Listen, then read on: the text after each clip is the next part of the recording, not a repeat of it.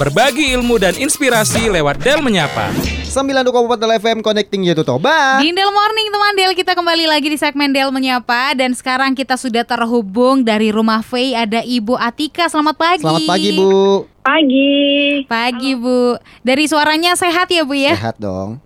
Alhamdulillah. Sehat ya. Ini posisinya di daerah mana nih Bu? Lagi di Batam. Di Batam ya. Hmm. Untuk semua keluarga dalam kondisi sehat ya Bu ya? Ya, alhamdulillah sehat semua. Sapa-sapa dong Bu Amin. teman Del yang lagi dengerin kita sambil kasih tahu di rumah V itu bagian apa ya? Halo, selamat pagi semuanya teman-teman Del. Perkenalkan, aku Atika dari Rumah Face sebagai pendamping anak yang menjadi korban kekerasan seksual, eksploitasi, dan perdagangan orang. Nah tuh berat ya. Berat banget nih. Anak aja didamping apalagi kamu. Aduh. Lulu hati abang dek. Nanti kita bakalan ngomongin lagi lebih luas lagi tapi Mhm. ditanya dulu dong ini tentang pendampingan anak itu kira-kira tanggung jawabnya apa ya Bu ya? Oh ya untuk tanggung jawabnya ini Bu. Ya, untuk tanggung jawab aku selaku pendamping di Rumah V, Mm-mm. bertanggung jawab untuk memastikan anak atau korban yang saya dampingi itu mendapatkan perlindungan yang maksimal. Hmm. memberikan Hmm. hak-haknya sebagai anak sebagai korban dilindungi privasinya ya yang lebih kuat itu privasinya kita juga nggak akan eh, bisa langsung ngomong-ngomong ke orang oh iya saya sedang mendampingi korban ini korban Ya. itu itu tidak bisa nah yang Oh. paling penting juga saya memastikan anak atau korban tersebut nyaman dengan saya saat saya mendampingi mulai dari membuat laporan di kepolisian Hmm. mendampingi BAP proses pemulihannya Hmm. persidangannya hingga proses reintegrasinya kalau kesulitannya biasa kan karena aku kerja di rumah ini udah hampir empat tahun ya Oke.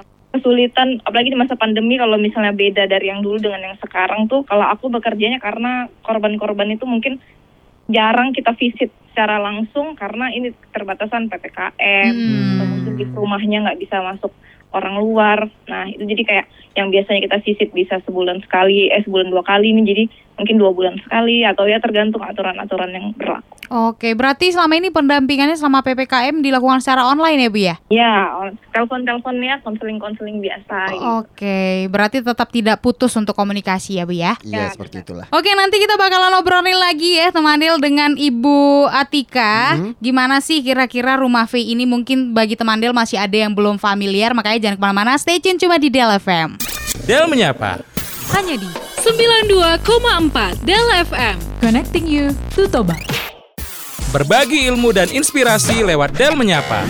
92,4 Del FM Connecting You to Toba. Di Del Morning teman Del, kita masih terhubung dengan Ibu Atika dari Rumah V, yaitu sebagai pendampingan anak dari Rumah V. Masih di sana ya Bu ya? Iya, halo. Oh, kira-kira apa sih arti rumah V ini untuk ibu sendiri? Ya, arti rumah V bagi saya yaitu seperti apa ya, penyelamat dan penolong ya, Nice. maupun bagi anak dan perempuan yang sebagai yang menjadi korban kekerasan, eksploitasi dan perdagangan orang. Karena lewat adanya rumah V banyak sekali korban yang tertolong dan kembali pulih, kembali ceria Iya. kembali.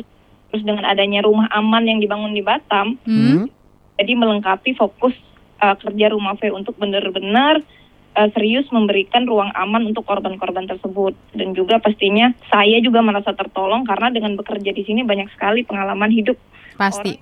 saya ambil kayak gitu ya sehingga sampai saat ini saya juga masih uh, setia Mm-mm. bersama rumah V dan memiliki uh, banyak uh, apa ya hal-hal positif yang saya Mm. Syukuri hingga saat ini. Oke, ini kan bergerak eh, untuk perlindungan anak dan perempuan yang tentunya bukan hal yang mudah ya Bu ya.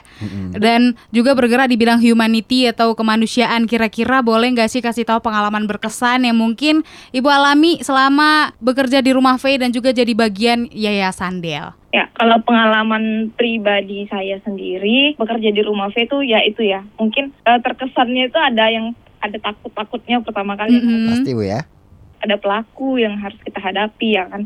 Eh, entah pelakunya itu eh, dari pelaku korban eh, pelaku perdagangan orang Hmm. ataupun pelaku-pelaku yang lain dan juga yang yang berkesan tuh mungkin eh, banyak yang lebih apa ya nyes di hati itu ya karena saya melihat eh, banyak sekali anak-anak yang menjadi korban ini yang tidak dibela oleh keluarganya tetapi saat mereka datang ke rumah V kita dampingi kita pulihkan mereka tuh menda- mendapatkan sosok baru mereka lebih percaya kepada kita dan kita juga udah mulai bisa mentreat mereka tuh sampai akhirnya mereka bisa ceria kembali saat Hmm. pulangkan atau saat kembali ke masyarakat itu sih yang buat saya terkesan mereka bisa belajar kembali senang kembali karena bantuan ya uh, pertolongan dari kita, uh, dari pendamping rumah V dan juga dari kes- uh, kemauan anak tersebut untuk uh, sadar bahwa dia harus berubah dan dia juga nggak boleh uh, tetap berada di posisi-posisi terpuruk itu. Wah keren. Ini pasti bukan hal yang mudah sih. Jadi Pak salut sama orang-orang yang ada di rumah Faye termasuk Ibu Atika dan teman-teman yang ada di sana. Nanti kita bakalan ceritain lagi tentang Yayasan Del yang udah 20, 20 tahun, tahun. dan juga Ibu Atika udah ada empat tahun berkecimpung di di- dalamnya iya. ya. Jangan ke mana-mana ya Bu ya. Oke. Oke, stay tune terus untuk teman Del. Del menyapa. Hanya di 92,4 Del FM. Connecting you to Toba. Berbagi ilmu dan inspirasi lewat Del menyapa. Segmen Del menyapa Indel Morning teman Del barengan Nom Nom Denis dan masih terhubung di line telepon barengan pendamping anak Rumah Faye ada Ibu Atika dan kita masih ngobrolin tentang 20 tahun bersama Yayasan Del Mm-mm. dari point of view Ibu Atika sendiri nih gimana kira-kira Yayasan Del ini yang udah Ibu Atika lihat sendiri. Uh, sebelumnya mungkin saya harus mengucapkan selamat ulang tahun dulu untuk yayasan. Ya, Sebentar lagi uh, apa puncaknya ya di September ya. ya Iya, Bu. tumbuh dan berkarya selama 20 tahun pasti bukanlah hal yang mudah bagi Iya. Yayasan Del berintih dari ya zaman kapan mungkin saya juga baru masih kecil banget gitu. Saya akhirnya bisa gabung bersama Yayasan Del memberikan uh, bantuan juga untuk diri saya sendiri, diri orang lain dan banyak sekali orang-orang yang terbantu dengan adanya Yayasan Del. Itu pasti bukanlah hal yang mudah. Mm-mm. Sangat luar biasa sekali pencapaian Yayasan Del bersama unit-unit di bawah lainnya banyak sekali memberikan perubahan positif dan sangat berdampak baik pasti eh, bagi banyak orang ya, bidang pendidikan, kemanusiaan dan sosial budayanya. Nice. Hmm, Oke, Bu. Terakhir nih, Bu, menutup wawancara hari ini, apa sih harapan dan saran Ibu untuk Yayasan Del? Oh, ya harapan saya untuk Yayasan Del dan Rumah V pastinya lebih semakin mengepakkan sayapnya agar lebih banyak lagi menjangkau hingga ke pelosok negeri karena kita Amin. yakin bahwa yang seperti ini tuh pasti dibutuhkan Mm-mm. mungkin sekarang ada di Jakarta, Batam, di Medan, mungkin lebih eh, ke pelosok-pelosok eh, buka cabang atau buka eh, office di bagian timur, Hmm. bagian tengah itu pasti mereka sangat membutuhkan karena beberapa kali saya diskusi juga eh, ya, ada nggak rumah V di di NTT, ada nggak eh, Ya. rumah V?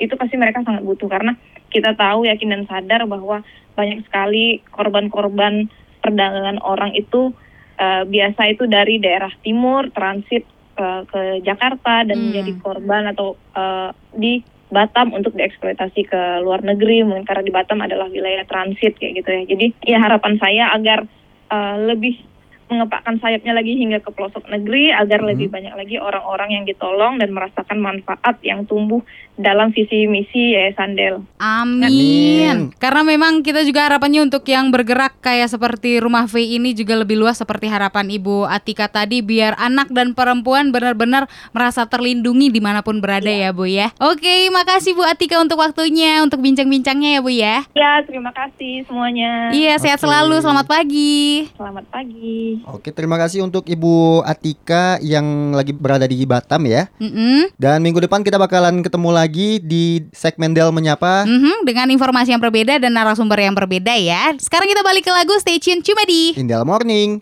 Del menyapa. Hanya di 92,4 Del FM. Connecting you to Toba.